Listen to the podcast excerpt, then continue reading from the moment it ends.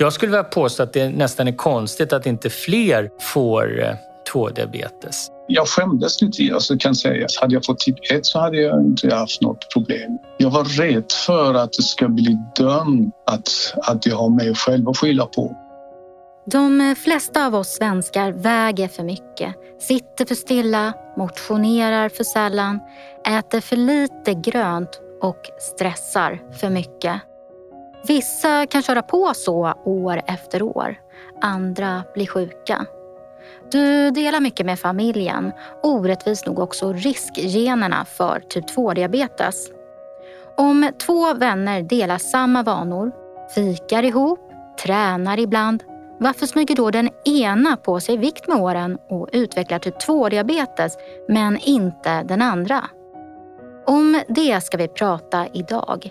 Typ 2-diabetes, varför får vi det?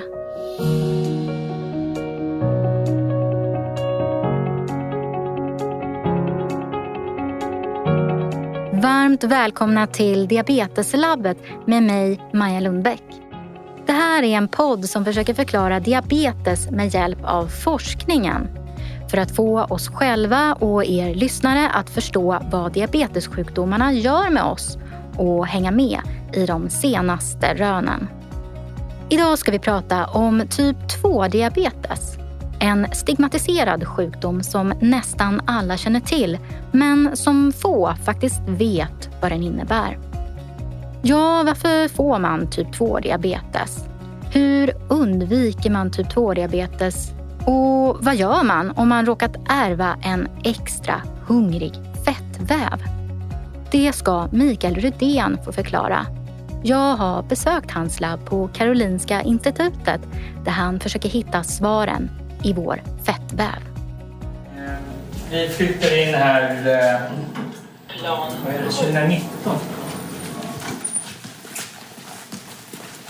Mikael, du är alltså överläkare och professor i fettvävsforskning. Ja, det är Vilka myter om typ 2-diabetes tycker du är segast? Ja, det finns många, men, men ett är att, att det är bara vissa personer eller personlighetstyper som får typ 2-diabetes, att det är viss typ av mat som enbart kan ge eh, typ 2-diabetes eller som kan bara en viss typ av mat som kan skydda mot typ 2-diabetes för den delen. Det finns otroligt mycket myter om kost tycker jag rent generellt. Eh, för mig är det ju väldigt viktigt att man snabbt som, som person som är diagnostiserad med typ 2-diabetes tar tag i sin sjukdom och det kan vara på olika sätt man tar tag i den. Och jag ser inte någon som helst anledning att man ska behöva skämmas för den här diagnosen. Typ 2-diabetes ser absolut inga skillnader mellan eh, utbildningsnivå eller många andra faktorer man kan tänka sig. Det här kan drabba, eh, det, här, det kan, det drabbar stora delar av den helt vanliga befolkningen. Mm. Men det är ändå stigmatiserat. Så varför är typ 2-diabetes inte en sjukdom som man får skylla sig själv att man får? Ja, därför att det är ju så att vi, vi lever i ett samhälle nu som vi människor egentligen inte är särskilt väl anpassade för. Vi är ju anpassade för att klara svält. Det här med att ha konstant tillgång till högenergirik föda och det är nästan svårt att röra sig i dagens samhälle i så, så mått att det kan vara infartsparkeringar väldigt nära huvudingångar och, och så man, det är svårt att röra sig på ett aktivt sätt. Men vi har ett samhälle som, trots att vi människor är väldigt anpassningsbara, vi är egentligen inte är gjorda för att leva under. Vi, vi är inte liksom utvecklade för det. Jag skulle vilja påstå att det nästan är konstigt att inte fler eh, får eh, typ 2-diabetes. Eh, och det är absolut inte så att man har dålig karaktär för att man får typ 2-diabetes. Det, det, det, har inte med det att göra. Utan de som får typ 2-diabetes idag, de var ju det genetiska lotteriets vinnare för bara några hundra år sedan. Det var de som klarade sig bäst under de livsförutsättningar som fanns då. Det är bara nu, under de här senaste 70 åren, som det nu börjar bli konstigt att, eller där det visar sig vara en nackdel att ha den här genetiska uppsättningen. Därför tycker jag inte att man ska skämmas på något sätt. Mm. Typ 2-diabetes kallas ju ofta för livsstilssjukdom. Har de som utvecklar typ 2 en annorlunda livsstil än andra? Nej, in, det är alltid svårt att säga. Jag menar, det finns ju skillnader i, i vår livsstil i gemen som vi lever nu jämfört med hur vi levde för kanske hundra år sedan. Och då måste man komma ihåg att förmågan att lägga på sig fett, det är egentligen en bra egenskap. Det var det som evolutionärt var det vinnande konceptet, att man hade en, en så att säga inom citationstecken hungrig fettväv, för då klarade man svält bättre. Men under den miljö vi lever i nu så fungerar inte det här lika bra. Och då blir det nästan en, närmast en nackdel då av det här hungriga fettet. Men det gäller bara under den miljö och under de förutsättningar vi lever i nu. Det kan ju ändras relativt snabbt. Mm. I 25 år har du tittat på varför vissa av oss får typ 2-diabetes och andra inte. Vad är det som går snett? Det är många saker som går snett. Eh, man får väl först och främst förstå att eh, vi människor och de flesta däggdjur är ju utvecklade för att klara svält. Så att vi har en rad olika mekanismer i våra organ, alla våra organ, i skelettmuskulaturen, i ehm, fettväven, i levern, i bukspottkörteln för att klara svält. Och eh, när vi människor utsätts för en omgivning där vi samlar på oss mer kalorier än vad vi gör av oss med, då utvecklar en del personer typ 2-diabetes. Andra utsätts för samma miljö men verkar vara skyddade. Eh, och det där antyder ju då att det finns mekanismer som skiljer sig mellan olika personer och som gör att man är mer eller mindre känslig för sin omgivning. Vad kan det vara för mekanismer? Ja, det är flera olika mekanismer. Typ 2-diabetes är ju inte en sjukdom utan det är ju många olika sjukdomar. Och eh, olika personer har olika känslighet att utveckla problem i olika organ. Och det är det som gör att vissa personer svarar väldigt bra till exempel på kost, andra svarar väldigt bra på motion, andra behöver kanske en kombination av båda, ytterligare några svarar väldigt bra på vissa typer av läkemedel och så. Så att, eh, det är ju det här som är det nya kan man säga de senaste 20 åren. Det här att man börjar förstå att eh, vi måste vara mycket mer precisa i, i våra behandlingar av eh, patienter med typ 2-diabetes och också mer precisa i hur vi förebygger utveckling av typ 2-diabetes. Så många har typ 2-diabetes. Ja, hur många är det då som drabbas av den här evolutionära oturen? Över en halv miljon svenskar har idag diagnosen typ 2-diabetes. Ytterligare en till en och en halv miljon svenskar beräknas ha förhöjt blodsocker och ligger i riskzonen att insjukna. Det betyder att nästan var femte svensk kan vara påverkad av typ 2-diabetes. Typ 2-diabetes är starkt ärftligt. Om någon av dina föräldrar har sjukdomen är risken 40 procent att du själv drabbas. Undersökningar av enäggstvillingar som ju har exakt samma genetiska anlag visar att om den ena tvillingen får typ 2-diabetes så är risken 90 procent att den andra tvillingen också insjuknar. Okej, så var ska vi nu? Nu ska vi in här till labbet. Och eh, det här är vårt labb här. Mm. Och sen ska vi gå in här. Trots att vi har samma sorts livsstil håller sig vissa smala medan andra går upp i vikt med åren och utvecklar typ 2-diabetes. Forskarna har länge misstänkt att det finns skillnader i hur kroppen omsätter fett som spelar roll här. I en av sina studier har Mikael Rydén följt en grupp kvinnor under många år för att förstå varför vissa blir sjuka och andra inte. Bakom hans fynd fanns kvinnor som åt och betedde sig likadant som alla andra i studien. Ja, vi har försökt förstå eh, hur fettväven påverkar risken att utveckla diabetes men även övervikt. Och då har vi följt eh, eh kvinnor i det här fallet under lång tid. Nästan 15 år följde vi dem. Och då tog vi eh, små fettbitar från buken, bukväggen i lokalbedövning och så analyserade vi dem först. Sen levde de här kvinnorna sina vanliga liv. Vi gjorde ingenting med dem, vi hade ingen kontakt med dem. Men sen kallade vi tillbaka dem efter ett och ett halvt decennium eh, och tog om de här eh, fettbiopsierna. Och tittade också på vad som hade hänt med dem, kvinnorna då, om de hade fått diabetes, om de hade gått upp i vikt och så. Och då kunde vi se att eh, de kvinnor som vid första undersökningen hade en ineffektiv fettväv, en fettväv som var dålig på att göra sig av med fettet och som lagrade upp det här för mycket och inte kunde göra sig av med det. De kvinnorna gick upp i vikt över de här 15 åren och eh, utvecklade också typ 2-diabetes i en mycket högre grad. Så det här antyder ju då att fettcellernas förmåga att lagra fett är verkligen viktigt för risken att utveckla övervikt och eh, diabetes. Och det var första gången det här var visat på människa. Sen har vi gått vidare med den här typen av undersökningar och vi har också hittat att det finns olika typer av fettceller. Och det verkar också vara individuellt betingat hur ens fettväv är uppbyggd. Vi har en del fettceller som är väldigt bra på att lagra fett och även göra sig av med fett. Och sen har vi andra fettceller som istället verkar vara mycket sämre på att omsätta fettet. Och där verkar det också vara stora skillnader mellan olika individer, hur man, vilken proportion man har de här olika fettcellstyperna.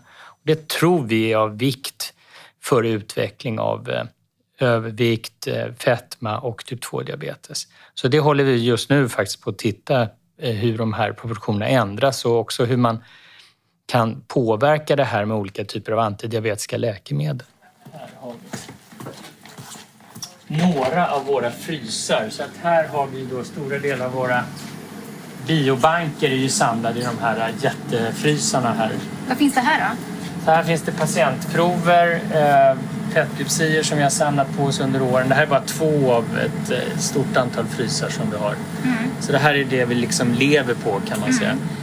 Här, här är det allt vi har samlat in under flera decennier finns i de, i de här frysarna och ett antal till frysar. Jaha, så hur gamla är proverna här? De äldsta vi har eh, fortfarande är någon gång från 80-talet. Var på kroppen som fettet sätter sig verkar spela roll. Bukfetma är till exempel dåligt. Ja.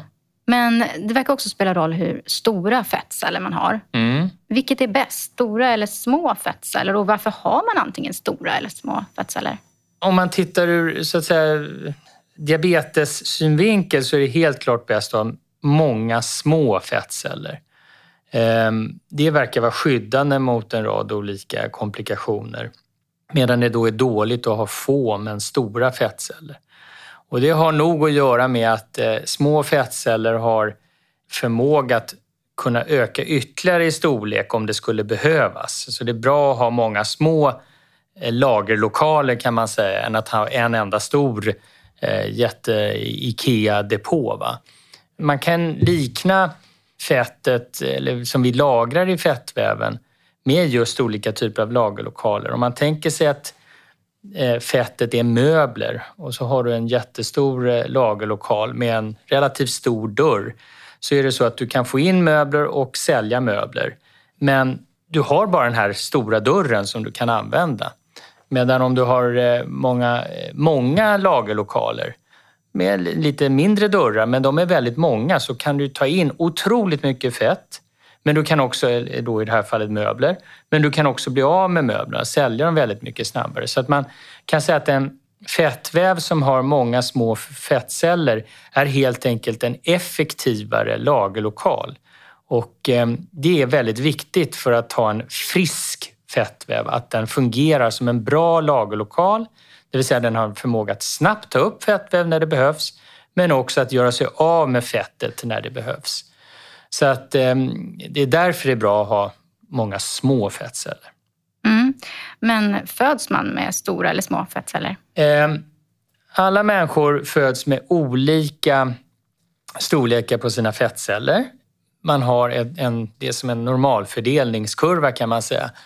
Eh, så det finns en del personer som föds med relativt stora fettceller och andra som föds med relativt små fettceller. Och vi försöker förstå vad det är som gör att vissa personer föds med små respektive stora fettceller. Vi tror ju att mycket beror på det man ärver eh, från sina föräldrar. Mm. Kan man på något sätt själv räkna ut om man har en sån här oschysst fettväv? Nej, det skulle jag nog säga är rätt så svårt. Det finns inget enkelt sätt att göra det. Rent generellt så är det väl så att om man inte är särskilt överviktig men ändå har typ 2-diabetes, då brukar det tala för att man har en rätt så elak fettväv. Nästan alla människor kan få typ 2-diabetes bara man får en tillräckligt stor fettväv, så tillräckligt stor fettmassa. Men om man har just den här eh, typ 2-diabetes redan vid en rätt så måttlig övervikt så brukar det tala för att man har en rätt så elak fettväv. Men, mm. men det går inte att säga absolut. Mm. Är det något som man bör undvika att göra för att inte göra sin fettväv ännu hungrigare? Ja, alltså ett, ett stort problem med fettväven det är ju att den, den är mycket mer komplicerad än vad man skulle kunna tro. Och mycket av de här bantningsåtgärderna som man brukar läsa om i kvällstidningar, de går ju ut på att gå ner väldigt, väldigt snabbt i vikt.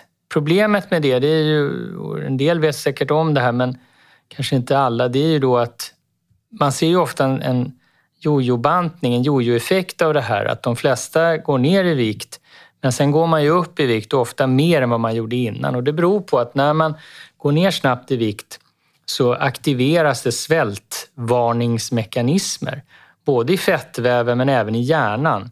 Vi människor hatar att gå ner i vikt, alltså som biologiska varelser så har vi en rad olika försvarsmekanismer som sätts igång när man går ner i vikt. Särskilt om man går ner i vikt snabbt. Och då innebär det att man får en aktivering av en rad olika hungersystem eh, i kroppen som gör att man ofta då slutligen går upp mer i vikt. Och när man går upp i vikt då bildar man fler fettceller. Och eh, de här fettcellerna de kan då bidra till att man sedan faktiskt har en ökad risk för att gå upp i vikt eftersom man kan lagra in ännu mer fett och då kan man få det här klassiska jojo-bantningen. Vi vet ju att går man ner ofta i vikt så går man ofta upp i vikt kort därefter. Så att... Ja, det vi har att göra med här är alltså kroppens mest plastiska organ. Fettväven kan forma om sig hos samma person från några kilo till flera hundra kilo. När vi går upp i vikt så bildar kroppen fler fettceller. De behåller man även om man sen går ner i vikt. Det gör att du bär med dig fler hungriga celler än tidigare att lagra fett i. Mer lagringsutrymme. När fettcellerna väldigt snabbt går ner i eh, storlek, vilket de gör när man går ner i vikt. Man, man förlorar inte fettcellerna när man går ner i vikt utan de bara krymper ihop som små ballonger. Och då vet vi att eh, eh, de kommer att eh, producera väldigt lite av mättnadshormoner som frisätts från fettväven. Och det gör då, bidrar, det är inte bara det, men det, det bidrar till att man då blir väldigt hungrig. Och om man istället går ner lite långsammare då minskar de där fettcellerna i mycket mindre hastighet och då blir de inte lika stressade. Mm. Och då så kan man i bästa fall göra så att man minskar risken för att gå upp i vikt. Beror typ 2-diabetes bara på att det har blivit fel på fettcellerna? Nej, så enkelt är det inte. Fettväven har betydelse för vissa personer med eh, typ 2-diabetes. Men det kan inte förklara alla former av typ 2-diabetes utan här är ju vi väldigt beroende av samarbete med andra grupper som studerar till exempel levern eller muskulaturen, bukspottkörteln etc. Fettväven är viktig, en viktig spelare, men det är inte den enda. Och det är väl det som har gjort att vi och många andra samarbetar väldigt nära med andra forskare i det här fältet som tittar på andra organ. Då. En av de som själv blev chockad över sin typ 2-diagnos är David Latifpour. Läkarna tvekade också först men testerna visade tydligt att det var typ 2-diabetes och inte typ 1. David var 40 plus och normalviktig. Han jobbade som fysioterapeut och åt bra. Men bilden av vem som får typ 2 gjorde att han höll sin sjukdom hemlig i många år.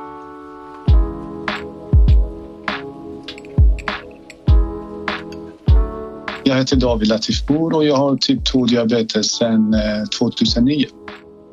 I min värld var det lite fördomsfullt kanske att, att eh, eh, det får bara lite de överviktiga, de som röker, de som inte rör på sig, dricker kanske. Lite det är uppfattningen att, att eh, jag hade varken genetisk eh, eller, eller någon annan faktor som stämde på mig.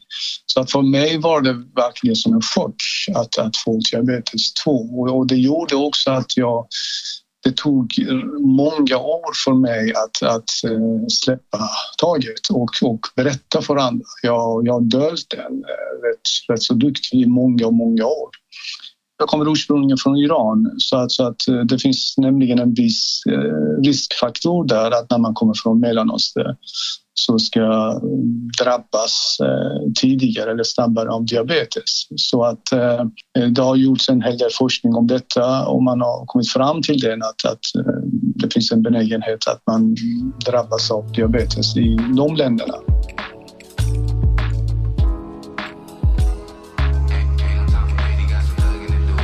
Jag var rädd för att jag ska bli dömd till just, det, just att man är oskötsam, alltså att man har eh, slarvat med, med hälsa.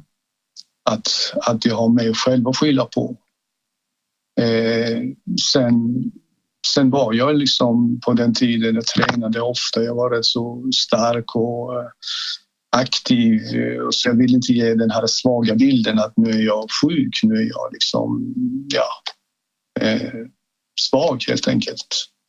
Sen hade jag en vän, en eh, sjuksköterska som, som sa någonting fint till mig och sa att eh, men David, du kan verkligen vara ambassadör då för den gruppen och så gå ut och berätta att du har det så man ser det. Det finns säkert många som du att, att ha den så att, man, man tar bort de här fördomarna du som är frisk och ja, ung och eh, vältränad och skötsam och så vidare kan också drabbas av diabetes. Eh, och, eh, det gjorde, det gjorde att jag faktiskt funderade ett, två gånger och så tänkte jag liksom att ja, det kan jag göra. Jag började också berätta, men jag inte så att eh, gå ut och stå där och säga att jag har diabetes utan när jag kom på tal och pratade så sa jag liksom eh, lite med kanske svagare röst att ja, jag har också diabetes typ 2 då. Men, eh, men, men det gjorde att det blev eh, mycket enklare saker och ting. Då, då kunde jag liksom säga nej, nej tack till den här maten. Jag har, eh, jag har diabetes helt enkelt. Så då förstod de.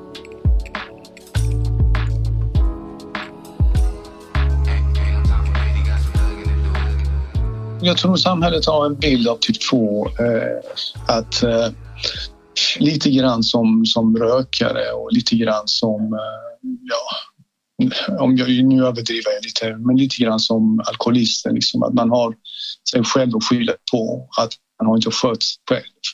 Eh, att det har med miljöfaktorer att göra. Det är mycket liksom överviktiga, Eh, Eh, det är liksom rökare, det är folk som inte rör på sig, de som äter två liter läsk varje dag och pizza eh, två, tre stycken varje dag. Så att den bilden är, jag tror det finns fortfarande den här bilden hos allmänheten jag skulle vilja liksom att öka förståelsen hos allmänheten att det här är en genetisk sjukdom som, som gör att man, eh, man kan inte göra så mycket åt saken när det kommer. Sen, sen, sen finns det förstås eh, miljöpåverkan. Man kan ha det lite lättare och bättre kanske genom att tänka på hur man hanterar det.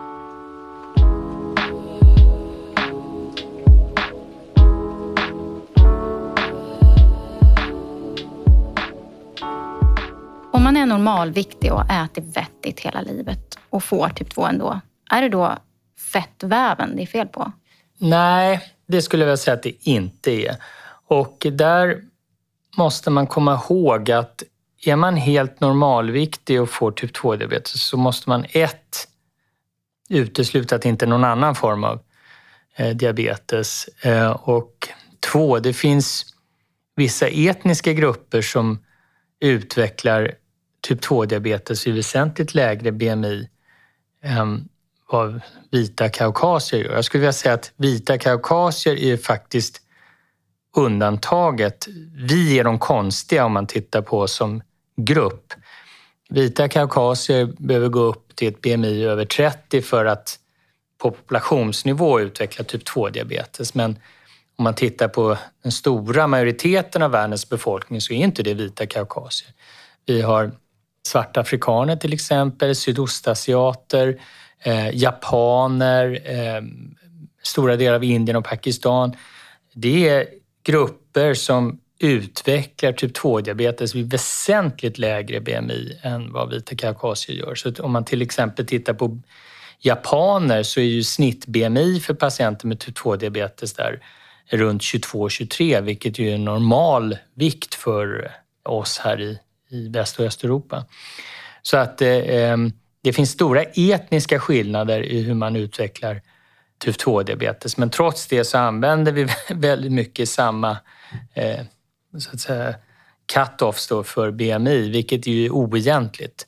Så ett BMI till exempel som hos en person från, säg från västra Indien, ett BMI på 24 som i Sverige skulle vara, tolkas som normalt, det kan vara för mycket för en sån person och den personen kan då utveckla typ 2-diabetes.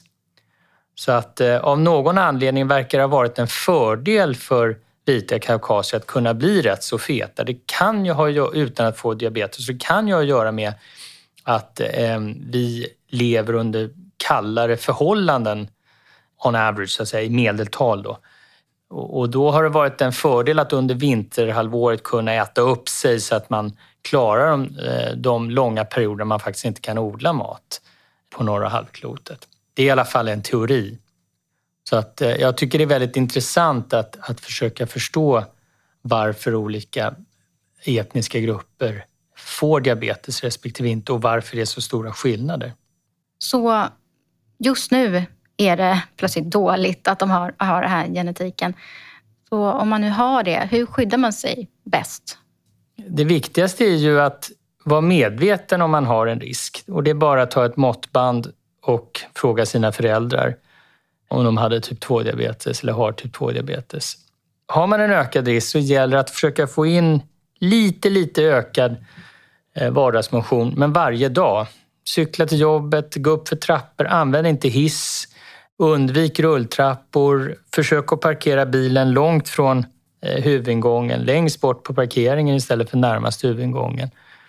Ta promenader med hunden, försök att tänka på vad man äter. Vi har nu alltså tillgång till eh, födor och drycker framför allt som innehåller så otroligt mycket kalorier. Läskedrycker till exempel är ju 10-procentiga sockerlösningar men de ger absolut ingen mättnad. Och det gör ju då att man... Det här är dolda kalorikällor och det blir då väldigt, väldigt lätt att man går upp i vikt. Om man äter... Det räcker med att du tar 30 kilokalorier extra per dag men att du gör det i 13 år så går du upp 13 kilo. Och 30 kilokalorier det är ungefär vad du har i ett par sockerbitar. Det går inte ens att mäta liksom, i en studie. Så att eh, det krävs otroligt lite men att man gör det varje dag för att man ska gå upp i vikt. Därför så är det viktigast att få in i vardagen att man försöker hitta sätt att röra kroppen och att äta en sund kost. Och här vill jag inte sätta etiketter på vad som är den rätta kosten. Den rätta kosten är den kost som är isokalorisk, det vill säga den, den ger lika mycket kalorier som du gör av med. För då kommer du inte gå upp i vikt. Och som du kan behålla som du tycker om under åren och som inte ger dig några förhöjda blodfetter eller andra problem. Det är den rätta kosten för dig. Om det är en kost med lite kolhydrater eller med lite fett eller med, där du undviker animala proteiner, det, det är fullständigt egalt. Bara du kan fortsätta med det och du mår bra på det och att dina värden ser bra ut. Mikael, hur hoppas du att din forskning kan hjälpa människor med typ 2-diabetes? Eh, min dröm är att vi ska hitta metoder att identifiera de personer som svarar bäst på specifika behandlingar. Jag vill kunna skräddarsy behandlingar till rätt patient. Idag så springer, med typ 2-diabetes, så är det väldigt mycket peka med hela handen och alla ska göra det här och alla ska göra det där. Och vi vet ju att det inte funkar. Eh, det som fungerar bra för en person fungerar inte bra för en annan. Och jag skulle vilja att man skulle kunna sätta ihop ett, ett program som innefattar, ibland kan det vara med läkemedel, ibland kan det vara framförallt livsstilsåtgärder och som vi vet fungerar för en viss person. Tack så mycket Mikael. Tack.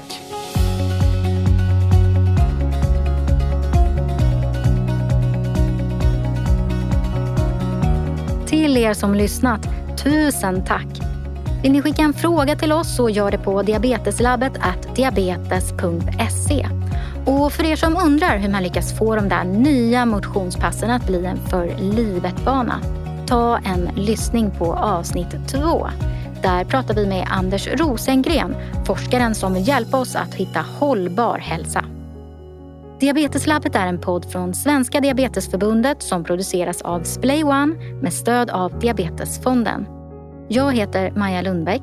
Vår eminenta producent är Johanne Paus Darlington och redaktör är Ulrika Lundberg som också intervjuade David Latifpour. Hej då!